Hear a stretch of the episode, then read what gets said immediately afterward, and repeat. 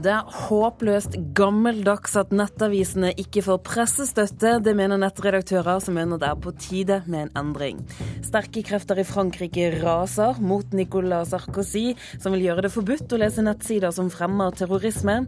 Og Leif Ove Ansnes briljerte på sin egen jubileumskonsert i går.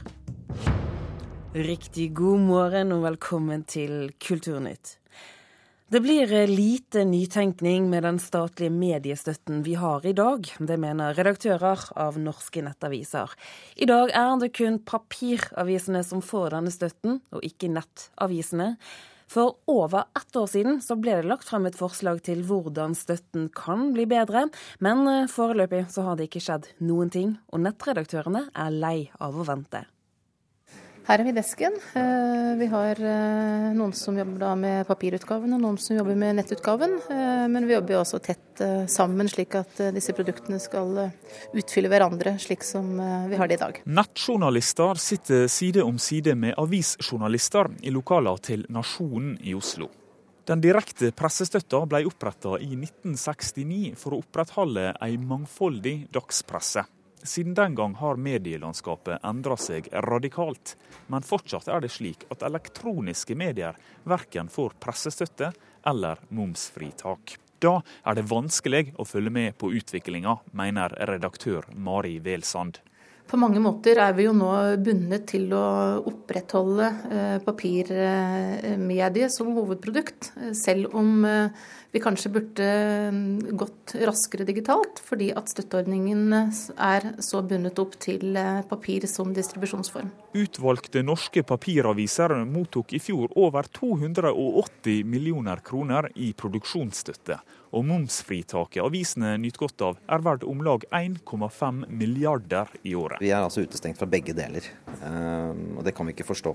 Det sier Espen Udland, ansvarlig utgiver for den rene nettavisa ABC Nyheter. Den støtten slik den fremstår i dag, favoriserer jo de etablerte, og eh, oppmuntrer ikke til nyetablering og mangfold.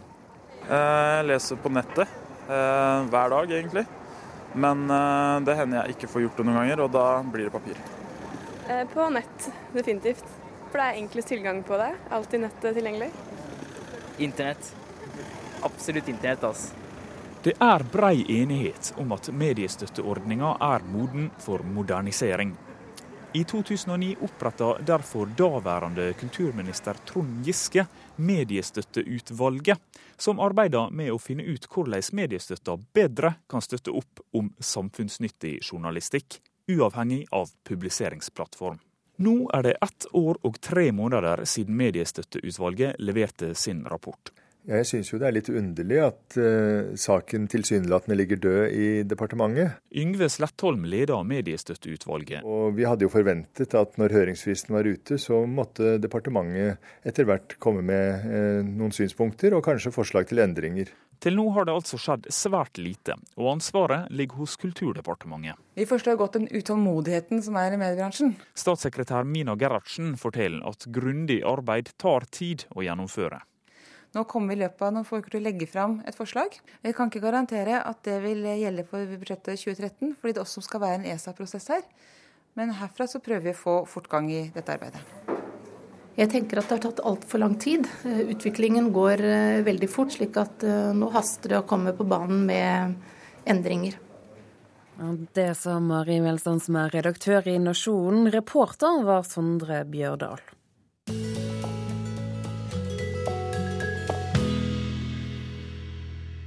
Bråket rundt en ny kirke i Våler i Hedmark fortsetter.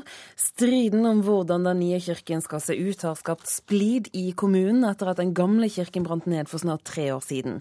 I går sa flertallet i menigheten nei til den nye kirken som juryen har foreslått.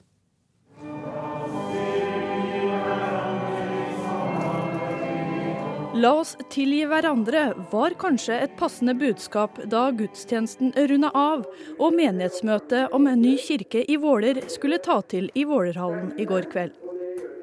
I mai er det tre år siden kirka brant ned, og siden den gangen har det vært skarpe fronter og stor uenighet i bygda om hvor og hvordan en ny kirke skal bli. Og engasjementet i kirkesaken har ikke dabba av. I går gikk rundt 500 personer til stemmeurnene for å gi sitt råd til fellesrådet i Våler. Stemmesedlene viste et ja eller nei for å sette i gang med forprosjektering av en ny kirke, i tråd med juryvinneren etter arkitektkonkurransen. Jo, jeg vil ha en løsning på denne kirkesaken. Og jeg vil ikke ha noe mer utsettelser. For da tror jeg ikke vi får noen kirke. Og så syns de folk skal få lov til å drive med saken, de som er verdt av folket til å gjøre det, og ikke noen som er sjælutnevnt i bygdom. Jeg er her for å stemme.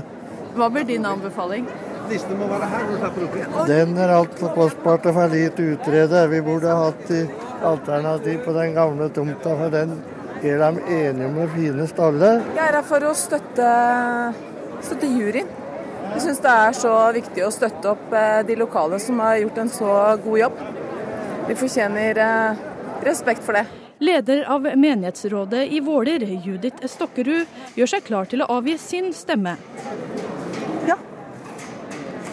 Engasjementet er på topp eh, blant folk i Våler nå? Det er tydelig at nå er det veldig, veldig stort engasjement. Og det er vi veldig glad for at folk eh, stemmer og men hvor viktig vil det si at det er for dere som sitter i eh, menighetsrådet her i Våler? Altså, Vi har jo ventet lenge på, på å få ei kirke, så vi bør snart få ting på plass. Men i går sa flertallet altså nei til den nye kirken som ble plukket ut i arkitektkonkurransen, som for øvrig fikk inn hele 239 forslag. Men eh, avstemningen i går er kun rådgivende. Reporter var Anette Strand Slettmoen.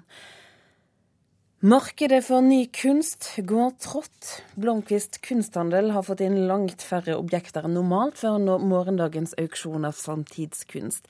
Markedet er på ingen måte tilbake, men de objektene vi har fått inn, holder god kvalitet. Det sier daglig leder Knut Forsberg til Dagens Næringsliv.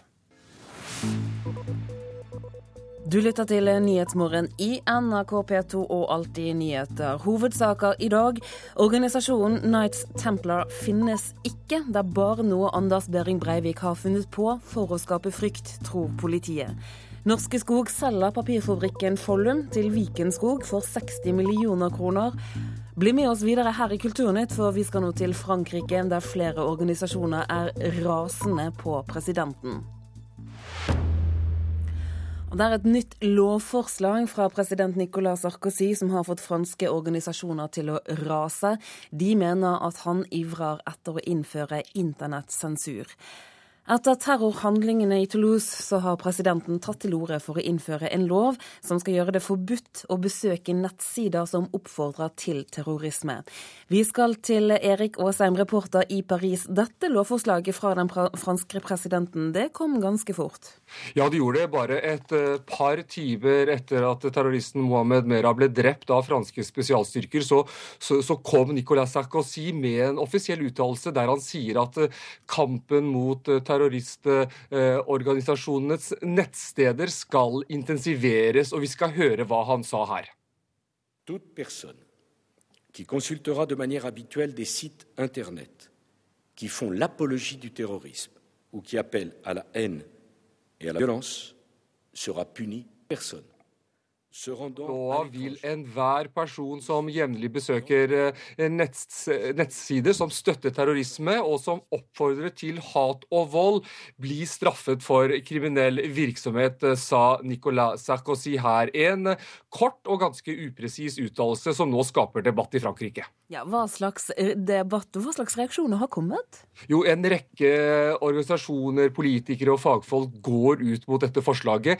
Leder av Dommerforeningen Storbritannia, Marie-Blanche Regnier. Hun er opprørt over at presidenten kommer med en politisk sak eh, nærmest i samme øyeblikk som massemorderen i Toulouse ble drept. Hun mener også dette vil skape problemer eh, med bevisbyrden, fordi dette vil kreve en omfattende overvåking av nettbrukere. Eh, reportere uten grenser mener dette lovforslaget vil skape problemer for journalister og forskere som skal skrive om disse nettsidene, fordi det rett og slett kan bli forbudt å konsultere dem. Det må må være en garanti for fri tilgang til kildene, sier Lucie Morion, som er ansvarlig for nye medier i denne internasjonale journalistorganisasjonen. Hva slags likheter finnes det mellom dette forslaget i Frankrike og det amerikanske Patriotic Act? Ja, med, med, Patriotic Act, som ble innført i, i USA etter 11.9.2001, så fikk jo amerikanske myndigheter mange våpen for å overvåke nettet i kampen mot eh, terrorisme. Og, og, franske eksperter trekker sammenligninger med Sarkozys initiativ og eh, denne amerikanske loven. Eh, og Det bekymrer advokaten Cedric Manara, som er spesialist på internett og juridiske spørsmål. Han har heller ikke noe tro på dette forslaget. Han sier at folk som er brukere av siden sider for pedofile eller terrorister, vet ofte at de blir overvåket i dag, så de har allerede funnet eh, andre eh, krypterte måter å gå inn på sidene eh, på via såkalt VPN eller Tor. Og eksperter mener også at en slik massekontroll på nettet kan være i strid med den europeiske menneskerettighetserklæringen, og ikke minst den franske konstitusjonen når det gjelder individuelle rettigheter. Så det er også mulig at denne loven rett og slett ikke kan vedtas her i Frankrike uten å da måtte endre den franske grunnloven først. Og Nå får vi vite det sikkert. Når skal loven opp til behandling? Ja, uh, hyperpresidenten Nicolas Sarkozy han vil at loven skal vedtas før presidentvalget om en måned. Men det betyr at nasjonalforsamlingen må kalles sammen, fordi den nå er oppløst pga. at representantene driver valgkamp i forbindelse med også valgdag på ny nasjonalforsamling i juni. Og når selv høyreekstreme Marine Le Pen, den ivrigste til å si ja til alle tiltak mot islamister og som kan hindre innvandring, også er imot denne loven, så sier det noe om hvor lite politisk politisk støtte forslaget til Sarkozy har. Hun reagerer også på at myndighetene allerede har stengt en Facebook-side til minne om morderne i Toulouse. Marine Le Pen mener det er viktig å vise fram dem som har hat til vårt land, som hun sier. Og sosialistenes eh, presidentkandidat Francois Hollande sier også nei til et hurtigvedtak av en slik lov. Det blir oppfattet nærmest som om vi improviserer, sier han. Erik Aasheim, takk skal du ha. Vi skal hjem igjen. Interessen for andre verdenskrig er fortsatt stor i Norge. Men eh, snart er det ikke flere gjenlevende igjen som kan fortelle om egne opplevelser fra krigen. Denne uken er en prosjektgruppe fra Tyskland, Danmark og Norge samlet i Oslo. Og målet er å finne ut hvordan vi nå skal formidle historier fra andre verdenskrig til de neste generasjoner. Proklamasjon til det norske folk. Etter at England hadde brutt Norges nøytralitet Vidkun Quislings tale til folket den 9. april 1940 er én hendelse fra krigen. Men historiene er mange, og hva vil vi at de neste generasjoner skal lære? En prosjektgruppe bestående av representanter fra Tyskland, Danmark og Norge er denne uken samlet i Oslo. Forskningskoordinator ved Wergelandsenteret Claudia Lenz er en av de norske deltakerne i prosjektet. Vi har jobbet siden slutten av 2009 og har beskjeftiget oss med minnekulturen rundt omkring annen verdenskrig og holocaust i de tre landene. Så vi har avholdt eh, seminar eh, først i Tyskland. Hva slags forskjellige vinklinger finnes det egentlig, og hva slags forskjell, forskjellige fortolkninger har vi egentlig i en sånn gruppe som er sammensatt, eh, og folk har forskjellig bakgrunn. Prosjektet er støttet av EU og består av lærere, lærerutdannere, museumspedagoger og forskere.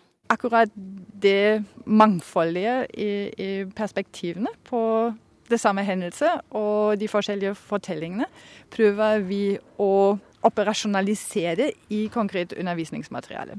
Og det er nettopp undervisningsopplegg og materiale dette prosjektet skal munne ut i. Denne uken er lærerstudenter fra de tre landene med på seminaret for bl.a. å teste opplegg som allerede er klart. Eh, det viktigste for oss som prosjektgruppe er nå eh, opplever de lærerstudentene som vi har invitert, var det metoder og materiale som nyttig og meningsfullt. Det er, det er vi veldig spent på nå. I går møttes lærerstudentene fra Tyskland, Danmark og Norge på Holocaust-senteret på Bygdøy for første gang. De snakket bl.a. om hva de har lært om krigen fra egen skolegang. It's all about, uh, about guilt and Germany, Tyske Dennis Mitteregger forteller at han lærte om tyskernes skyld og skam, men ingenting om norsk og dansk historie. Studentene har tenkt gjennom hva de vil at de neste generasjoner skal lære, Og for norske Sandra Caroline Røysum er det viktig at krigen ikke skal bli glemt. Det er vel at man burde lære noe av det. da. At det ikke det blir en krig som man bare glemmer. Når det er viktig at man lærer i forhold til diskriminering, og at man skal behandle alle likt og sånne ting. Reporter her var Kristine Amdam.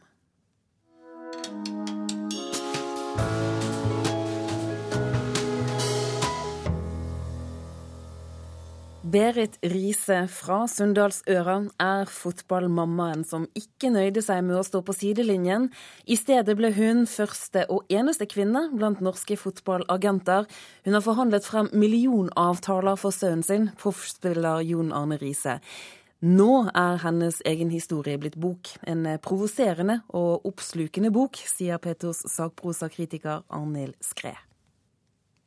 Berit Riise er uten tvil ei kvinne som har noe å fortelle. Nå har hun i samarbeid med journalist og forfatter Martine Aurdal skrevet memoarboka Bare en mamma. Du trenger slett ikke være interessert i fotball for å synes at den er oppslukende og fascinerende. Boka begynner med at hele familien kommer akkurat for seint til dødsleiet til eksmannen. Ei vond åpning, men velvalgt. Forfatterne risser opp bilder av ei kvinne som er materfamilias, som konfronterer og gir motstand når hun mener sønnene vel feil, som overstyrer dem, som er i stand til å ta tøffe valg, som har måttet tåle harde slag, også bokstavelig talt, som likevel har reist seg og gått videre. Men hun ser også ut til å være ei kvinne som dreg bitterhet med seg. På de følgende 200 små sidene utdyper hun den historia starten varsler. Berit Rises kamp mot alt og alle, utenom den helt nære familien, ja, av og til også mot den. Dette høres kanskje ut som ei sjølrettferdig offerhistorie, og Riise henger ut mengder av folk som hun har kjent urett fra. Framstillinga verker ikke alltid balansert, og jeg lurer mange ganger på hvor rettferdig hun sjøl er. Det som løfter boka, er at Riise også driver sjølpisking, i alle fall et par steder, og at det samtidig med den individuelle fortellinga blir fortalt ei historie om strukturelle skeivheter i idrettsverda, og særlig i fotballkulturen. Jeg tror Berit Riise når hun hevder at mye av det arbeidet hun er hengt ut for, ville vekt beundring om en far hadde gjort det samme. Dette er ikke boka for den som mener fred er det beste. Riise ei kvinne som, i Bjørnsons ånd, vil noe, og satser alt på å få det til. Dette usentimentale trykket preger også teksten. Bare en mamma er en forsutrete tittel, men boka er god. Irriterende, sjølsentrert og provoserende i mange parti, men sjelden har jeg lest ei så vital memoarbok. Hun leverer dessuten en mishandlingshistorie som kan hjelpe andre til å komme seg ut av livsfarlige forhold. Ikke dårlig, det heller. Mener vår anmelder Arnhild Skred. Lyriker Lina Undre Mariussen er tildelt Tarjei Vesaas debutantpris. Hun får prisen for boken 'Finne deg der inne og hente deg ut'. Og apropos priser, årets SKUP-pris, Norges høyeste journalistiske utmerkelse, gikk til Dagens Næringsliv. Det skjedde i helgen. Gøran Sjalsmo og Kjetil Sæther fikk prisen for avsløringer om at de norske toppene i et av verdens største konsulentselskaper, McKinseys, har hemmelige investeringsfond. Med det så er Kulturnytt over. Vidar Sem, Hilde Tosterud og Turi Grønbekk sier takk for følget.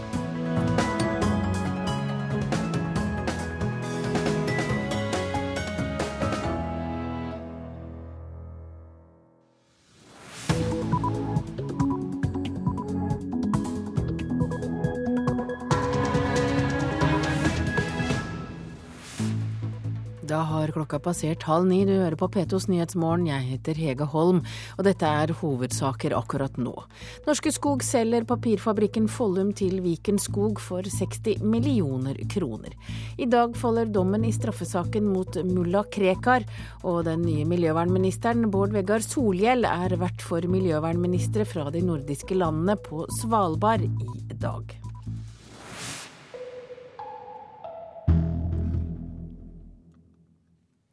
Viken Skog vil blåse nytt liv i skogindustrien rundt eh, på Ringerike på Østlandet. Det sier direktør i Norske Skog, Ragnhild Borchgrevink. I dag ble det kjent at Norske Skog selger eiendommene til Viken Skog for 60 millioner kroner. Det betyr at vi har mulighet for å bygge ny uh, skogsindustri i Norge. Og det er selvfølgelig kjempeviktig for våre andelseiere. Um, og sørge for at vi har en sterk industri som uh, faktisk etterspør uh, den, det tømmeret vi kan levere i fremtiden. I første omgang så skal vi drifte en del av, uh, av anleggene. Men etter hvert så skal vi så fort som mulig over på å bygge ny industri, legge til rette infrastruktur, sørge for at vi får med oss partnere som, som har lyst til å etablere seg i dette området. Ja, og det sa altså Ragnhild Borchgrevink, som er direktør i Viken Skog. Og Viken Skog eh, de sier altså at de skal eh, blåse nytt liv i skogindustrien på indre Østlandet. Og redaktør Magne Lerøe i ukeavisen Ledelse, hvordan tolker du dette oppkjøpet? Ja, Jeg tror de fleste ser positivt på dette her. Eh, altså For Norsk Skog de har jo problemer med, med lønnsomheten sin. Det er, ikke, det er, ikke, rart, sant? det er vanskelig å være i papirbransjen for tiden. Så de må gjøre det som er lønnsomt for dem. Og, og, og Sist det var snakk om at de skulle selge, så sa de at nei, det ville de ikke allikevel, for de fikk ikke en høy nok pris pris, og så ville de ikke være med å hjelpe fram en konkurrent. De fryktet jo at Viken skulle, skulle starte en konkurrent. Så nå har man da blitt enige om pris, og så har man funnet ut at de skal ikke starte med tradisjonell papirproduksjon slik at de blir en konkurrent med Norsk Viken. De skal finne på noe helt nytt. Og Det er jo egentlig spennende. Og jeg tror at her vil de få med en investorer. De vil antagelig få noen offentlige midler for å se om kan vi bruke, kan vi bruke skogen til noe annet enn tradisjonelt avispapir og den type papir som Norske Skog produserer. Så det betyr at eh, det røde lyset for Follum fabrikker, det blinker? Ja, det blinker på så vidt. Sant? Spørsmålet er hva man nå kan få eh, produsert istedenfor. Eh, og man kan beholde like mange arbeidsplasser, det vet man jo ikke, da. Men iallfall så skal det være en aktivitet nå i de gamle fabrikklokalene. Og så får man da se hva man greier å, å drive dette her til. Så jeg tror at alle vil se det positivt. Og ikke minst for Det handler ikke bare om disse arbeidsplassene ved Follum, men det handler faktisk om enda flere arbeidsplasser eh, totalt sett innen, innen eh, skogbruket. Liksom, har du en skog, må du få levert tømmeret ditt, eller så, eller så, så, må du slutte med skogbruk. Så det er store ring, ringvirkninger av det som skjer faktisk her. Men hva kan de bruke tømmeret til, da? Jeg vet ikke. Man, man kan jo, dette kan ikke jeg, men det er tydelig at de har planer om å bruke det til noe annet enn helt sånn tradisjonelt papir som Norske Skog har produsert. De finner muligens på en del ting eh, som eh, innen inn, inn miljøvern, ikke sant. Og det er jo ting Jeg kan ikke dette godt nok, men det er tydelig de, de har iallfall tanker om det. Hvis ikke så hadde de ikke, hvis ikke hadde jo ikke satset. Så, så, det kan jo ligge muligheter for en spennende utvikling for, norsk skogindustri i dette her. Men, men, men eh, som sagt, det, det, blir ikke glansdagen er over. Men, eh, men, man kan gjøre andre fornuftige ting enn, enn å produsere tradisjonelt avispapir. For det blir det jo stadig lavere etterspørsel etter. Ja, ja, da får vi bare se hva de har tenkt å gjøre, da, når Vikenskog nå har kjøpt Follum fabrikker fra Norsk Skog. Takk til deg, Magne Lerøe, du er redaktør i ukeavisen Ledelse. Det virker mindre og mindre sannsynlig at Anders Behring Breivik har tilknytning til terrororganisasjoner. Det sier forsker ved Instituttet for forsvarsstudier, Anders Romarheim. Politiet sier de ikke tror på Anders Behring Breiviks forklaringer om organisasjonen Knights Templar. Romarheim tror også Breivik har holdt på for seg selv. Leser man manifestet hans nøye, så får, får man tidvis en følelse av at dette er et enmannsprosjekt. Ikke minst eh, disse passasjene om eh, forfremmelser i denne merkelige ordenen, der det hele veien er en, en, en, sidekommentar om at dersom ridderen er alene. Så da får du et veldig sånn inntrykk av en ensom eh, og litt stakkarslig person som sitter og tror han er del av et større nettverk. Eller drømmer om hvordan det nettverket kunne vært hvis det hadde eksistert? Nettopp. Eh, samtidig så fins det jo da en mulighet at noen slenger seg på i kjølvannet, den eh, er jo sånn sett eh, avtagende dess lenger unna selve angrepet vi kommer. Men det sånne copycat-varianter, der noen bare stiller seg bak ideologien og på en måte tar opp tråden, vil jo i hans uh, forståelse fremstå som at uh, organisasjonen lever videre. Men, men det, det, er mindre sannsynlig dess lengre tid det går, vil jeg si. Men finnes det noe som ligner på det som han kaller Night Templar? Ja, der skal jeg ikke være altfor skråsikker. Man har jo gravd en del i disse English Defence League og en del andre grupperinger. Og, og det fins nok noen der ute, eller det fins garantert folk der ute med en del likt tankegods. Men spørsmålet her er jo om det faktisk finnes noe organisert eh, nettverk. Altså at, man, at han har kjent til andre som også bedriver planlegging av storstilte terroraksjoner. Og det, det virker jo mindre mindre og mindre sannsynlig, og, og ikke minst etter at da politiet har gjort et såpass grundig arbeid med å kartlegge dette uten å finne noe som minner om spor. Du har jo lest avhørene med Breivik, eh, og der blir han jo bl.a. konfrontert med dette, at han egentlig var helt alene. Hvordan reagerer han da? Ja, i, eh, i eh, de, den dokumentasjonen som den første rettspsykiatriske rapporten fremla, der, der, tar de fram akkurat dette med forfremmelsen og sier at det her er hans stil, sånn skriftmessig, og, og, og minner Det virker som om det bare er han. Og, og da gjør de en interessant observasjon, syns jeg, der, han, der, de skriver i rapporten at han rødmer.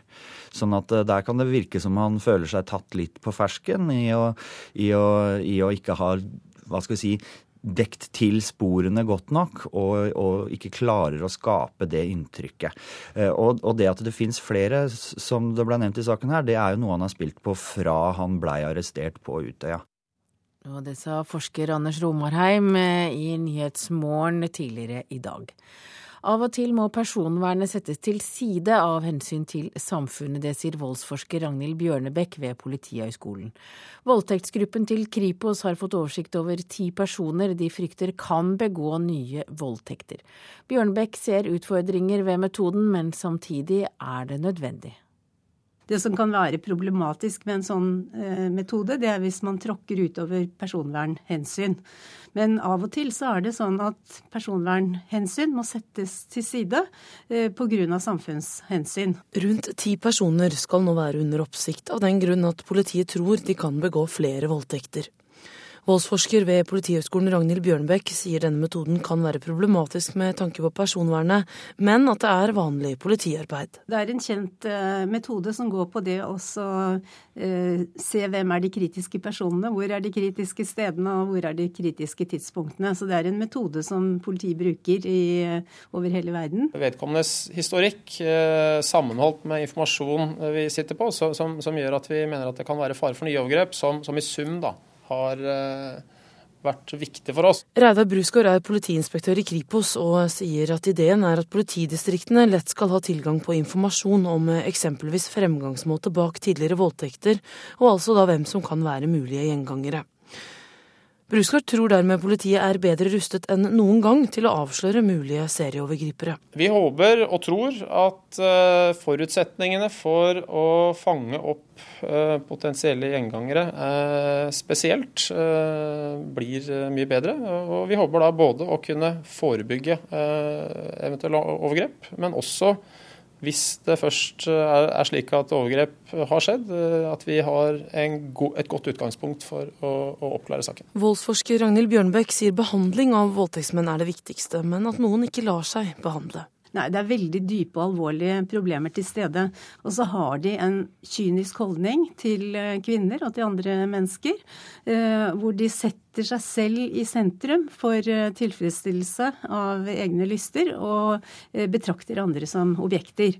Og når de attpåtil er veldig voldelige, altså at disse overgrepene utøves med, med stor grad av vold ved siden av, så er det veldig alvorlig.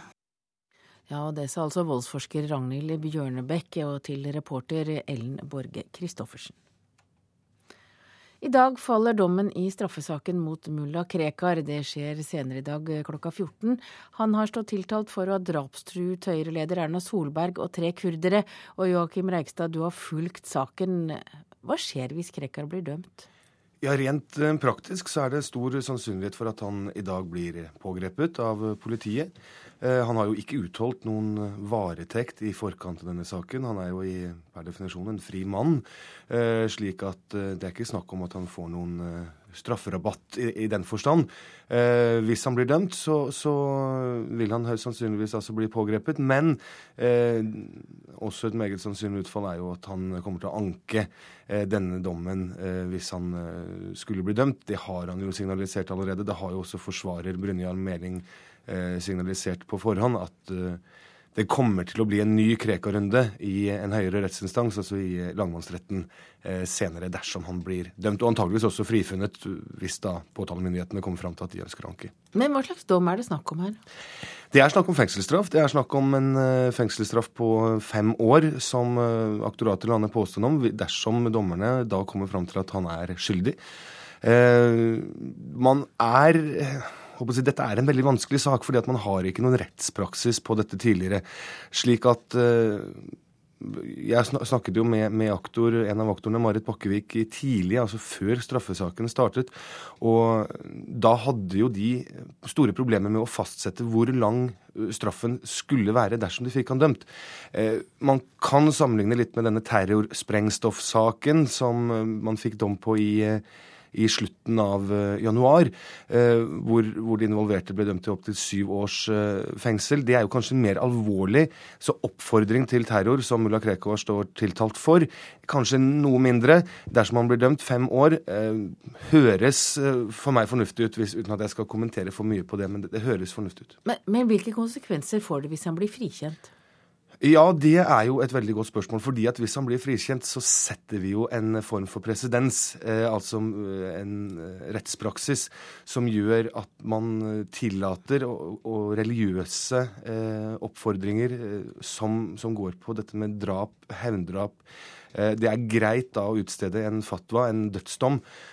og i så måte så, så vil man jo sette kanskje en standard som, som som gjør at denne type holdninger kanskje lettere kan få grobunn, men det blir jo igjen da å, å, spekulere litt, i, litt, for mye i det.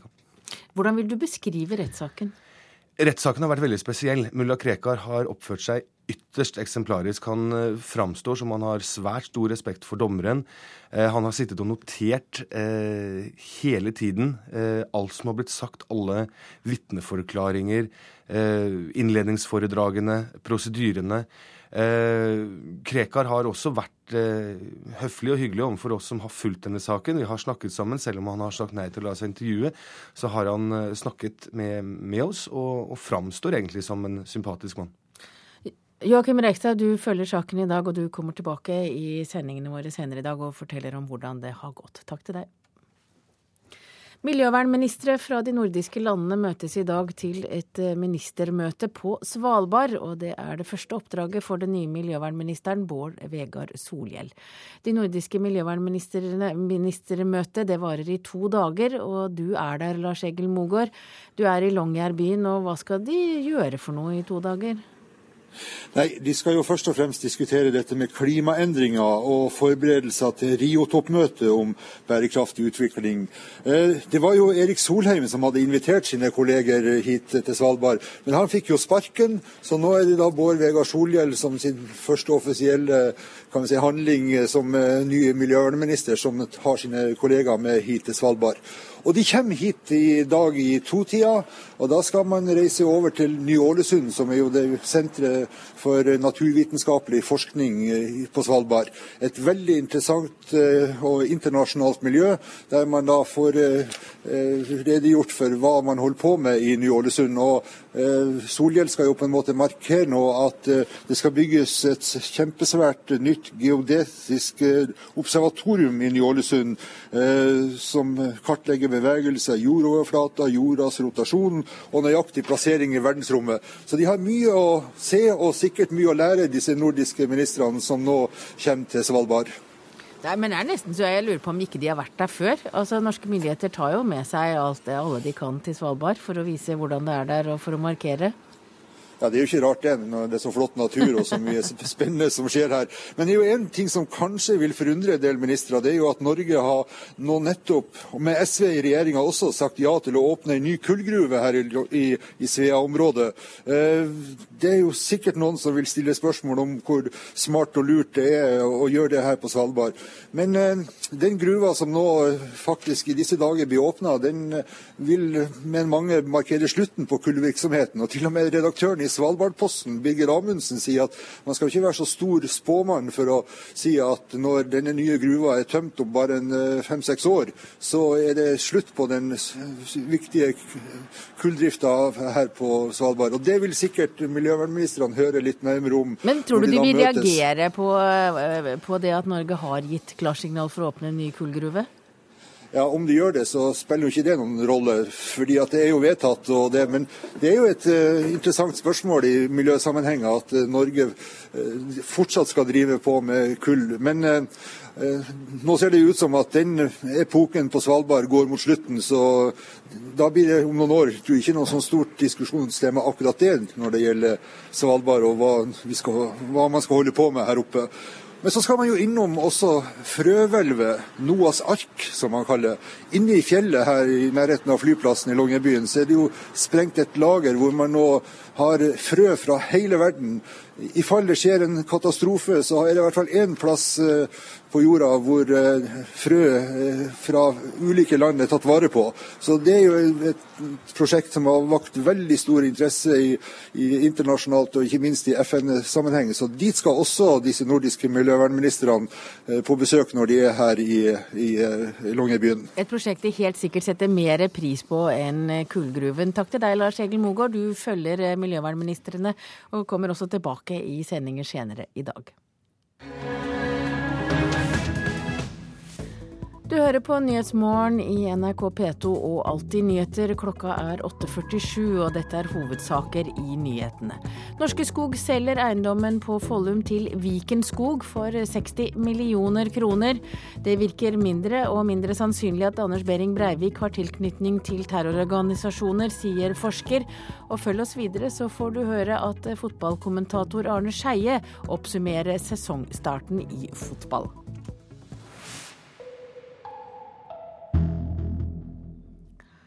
Ja, I dag møtes ledere fra over 60 land med USAs president Barack Obama i spissen i Sør-Koreas hovedstad Seoul for å diskutere atomsikkerhet, særlig med henblikk på terrorisme. Men siden møtet foregår i Sør-Korea, så får også nabolandet Nord-Koreas atomambisjoner ganske stor oppmerksomhet. Og i går var president Obama ved grensen. I dag har Stoltenberg vært der, og korrespondent Anders Magnus, du følger denne konferansen. Kina mener at alt fokuset på Nord-Korea nærmest er en avsporing. Hvorfor det? Det er jo fordi eh, de helst ikke vil ha så mye oppmerksomhet rundt Nord-Korea. Eh, dette landet er jo Kinas klientstat på mange måter. Hadde det ikke vært for økonomisk og materiell bistand fra Kina, så ville jo ikke Nord-Korea fortsette å eksistere som stat. Men Kina støtter Nord-Korea bl.a. fordi de ikke ønsker at landet skal falle sammen og bli en del av Sør-Korea f.eks. For, for da eh, risikerer de å få amerikanske soldater helt opp mot sin egen grense, og det vil de for all del ikke ha. Dette er jo en konferanse som skal forhindre at atomvåpen kommer i hendene på uvedkommende. Da lurer jeg på, Er det overhengende fare for at det skjer? Ja, det er veldig mye kjernefysisk materiale som eh, så å si ligger slengt rundt omkring, eh, særlig det gamle Sovjetunionen. Det er anriket uran og plutonium som kan brukes i eh, atombomber. Eh, nå har man rapportert 30 slike steder som, hvor det finnes slikt materiale, men her er det heldigvis ikke nok til å kunne lage en bombe. Nå prøver denne konferansen, som begynte for to år siden, å forplikte land til å rydde opp i sine atomlagre, så å si, med å fjerne slikt eh, kjernefysisk stoff, eller endre det sånn at det ikke lenger kan brukes i våpen. Og hittil har man lyktes i veldig stor grad eh, med å gjennomføre det som ble lovet av landene i 2010, da Obama samlet den første konferansen i Washington. Men det er klart at de store problemene er jo Iran og Nord-Korea, og de har man ikke engang på dagsorden. Norge har jo verken atomvåpen eller kjernekraftverk. Hva slags rolle spiller vi på en slik konferanse? Vi har gjort vår del av det som skulle gjøres i forhold til 2010-avtalene. Vi har bidratt til at kjernefysisk brensel i gamle utrangerte atomubåter i Nord-Russland har blitt tatt vare på på en skikkelig måte. Vi har også bidratt til at atombrensel som har vært brukt på i fyrlykter for å lyse opp fyrlykter langs kysten i Nord-Russland, at de har blitt erstattet med solcellepaneler som, som, nå gir elektrisitet til disse fyrlyktene, og at man kan fjerne dette radioaktive materialet som ellers kanskje kunne blitt stjålet av organisasjoner eller grupper som kunne ønske å bruke det i terroristformål. Takk til deg, korrespondent Anders Magnus, som altså følger konferansen. Vi skal holde oss i området, men vi skal snakke om et annet aspekt. For generalsekretær i Røde Kors, Åsne Havneli, du kom hjem fra et besøk i Nord-Korea natt til søndag. og Hvilket inntrykk har du av forholdene i det svært lukkede landet? Jo, vi har vært der nå i fem dager, og det er et land som er preget av en kronisk humanitær situasjon. De tre-fire siste årene har vært utrolig tøffe vintre. I tillegg så er det et land som er preget av mye naturkatastrofer som flom. Og det gjør at den humanitære situasjonen er veldig, veldig vanskelig. Og vi opplever, og når vi har vært der ute, at vi, det er et land som går mer i utforbakke når det gjelder mat, medisiner, vann, strøm. Så det er en veldig vanskelig humanitær situasjon. Men hva kan Røde Kors gjøre for å hjelpe nordkoreanerne? Vi er med Røde Kors jobber for å bygge mer robuste lokalsamfunn, sånn at de kan klare å takle når det kommer nye naturkatastrofer som flom. Vi er inne og driver med helseopplæring. Vi leverer medisiner til over 2000 sykehus og klinikker, sånn at nesten en tredjedel av befolkningen får basismedisiner som de ellers ikke hadde fått. Og så jobber vi også med vann- og sanitærforhold for lokalbefolkningen. Men når du, når du, reiser rundt og du ser nøden, og du vet at dette her er jo styrt altså, Eller det er jo ikke styrt, men det er jo myndigheter i et land som gjør at det er lukket land. Det er et land som ikke får Altså som ikke har handel med utlandet. og at det er, altså Hadde det politiske systemet vært annerledes, så hadde også situasjonen vært annerledes. Hva tenker du da? Ja, vi har helt klart fokus på den humanitære situasjonen. Og det er jo også andre organisasjoner. Og, og, og Nord-Korea er ikke i stand til å egentlig ja, gi befolkningen sin en minimum av det de trenger når det gjelder både mat, medisiner, helse, strøm, vann. Og er helt avhengig av humanitære organisasjoner som Røde Kors og andre for å virkelig hjelpe lokalbefolkningen. Og Norge har vært en stabil giver over mange år, men det er viktig nå at flere internasjonale miljøer får øynene opp for den humanitære krisen som er Men Hva slags arbeidsforhold har dere i Nord-Korea? Vi, Det internasjonale Røde Kors, har seks delegater som bor permanent der. sånn at vi jeg hadde jo muligheten til å være ute på landsbygda, langt ute. Og det man må være klar over, er at alt foregår manuelt. Altså det, det var jo et land som hadde maskiner, traktorer og sånne ting. Nå må man dyrke jorda manuelt. Man må gjøre alt arbeid manuelt. Og jeg har pratet med mange ulike både barn og ungdommer og voksne, og de, de er fortvila fordi de ikke har nok mat og det de trenger. Hva er det sterkeste inntrykket du sitter igjen med etter reisen din? Noe av det sterkeste er å se barn og ungdom. Jeg pratet med en jente på 16 år. Hun hadde ikke smakt kjøtt på fem år. Hun levde på ris. Hun så ut som hun var 10-11 år. Det samme når jeg var på barnehjem og så barn som var både mye kortere, de veide mye mindre. Sånn at man ser at det er en veldig vanskelig situasjon. Og jeg håper at flere virkelig er villige til å bidra i Nord-Korea humanitært. Takk til deg, generalsekretær i Røde Kors, Åsne Havneli. Da skal vi snakke om snøen som falt i fjor. Nei da, vi skal ikke det. Vi skal snakke om seriestarten i Eliteserien i fotball, som foregikk i helgen. Og vi har fått med deg, Arne Skeie. Og har det vært en bra helg? Det har vært en bra helg, spesielt for Sogndal. Ellers har det vel gått slik man forventet. Ingen overraskende resultater, bortsett fra 4-0 til Sogndal. Ja, Det er jo fantastisk. Ja, det er fantastisk, for Sogndal er jo er jo dømt nord og ned, og så gjør de sin beste serieåpning noensinne. Og i tillegg skårer fire mål borte. Det er jo det er bare imponerende om den prestasjonen. Var det flaks? Det var ikke flaks at de vinner 4-0. Det er et veldig spennende Sogndal-lag. og Vi får jo se i neste kamp, så har de Hønefoss hjemme, og de kan fort stå med seks poeng på to kamper. og kan legge et godt grunnlag for å greie seg også i 2012-sesongen. En sesong ingen, hvor ingen har noe tro på Sogndal. Så det nye laget er altså et lag som du har tro på inn i sesongen?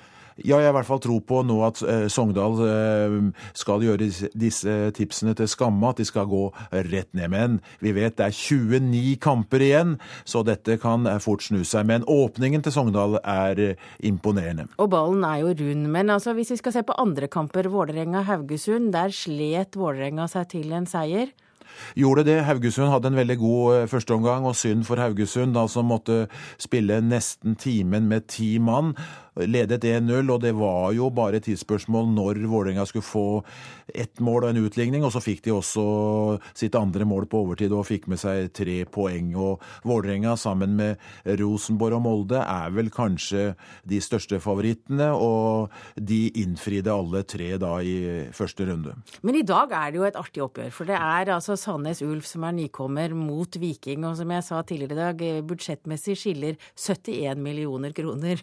Men hva kommer til å skje i kveld? Ja, Det er, det er jo et lokaloppgjør. Det er et derby i, i, Rogaland. Det er umulig å si. Jeg forventer en eh, flott innstilling av, av, Ulf her, og de har trent hardt. De er et løpssterkt lag, så Viking skal passe seg. Men Viking er jo selvfølgelig favoritt her. Men jeg syns det lukter uavgjort av dette oppgjøret. Takk til deg, Arne Skeie. Hør ekko. Har du kikka ordentlig på strømregninga di? Der betaler du ekstra for å sponse mer utbygging av fornybar energi, som vannkraft. Er dette et fantastisk løft for klimavennlig elektrisitet, eller en ren klimabløff som raserer norsk natur?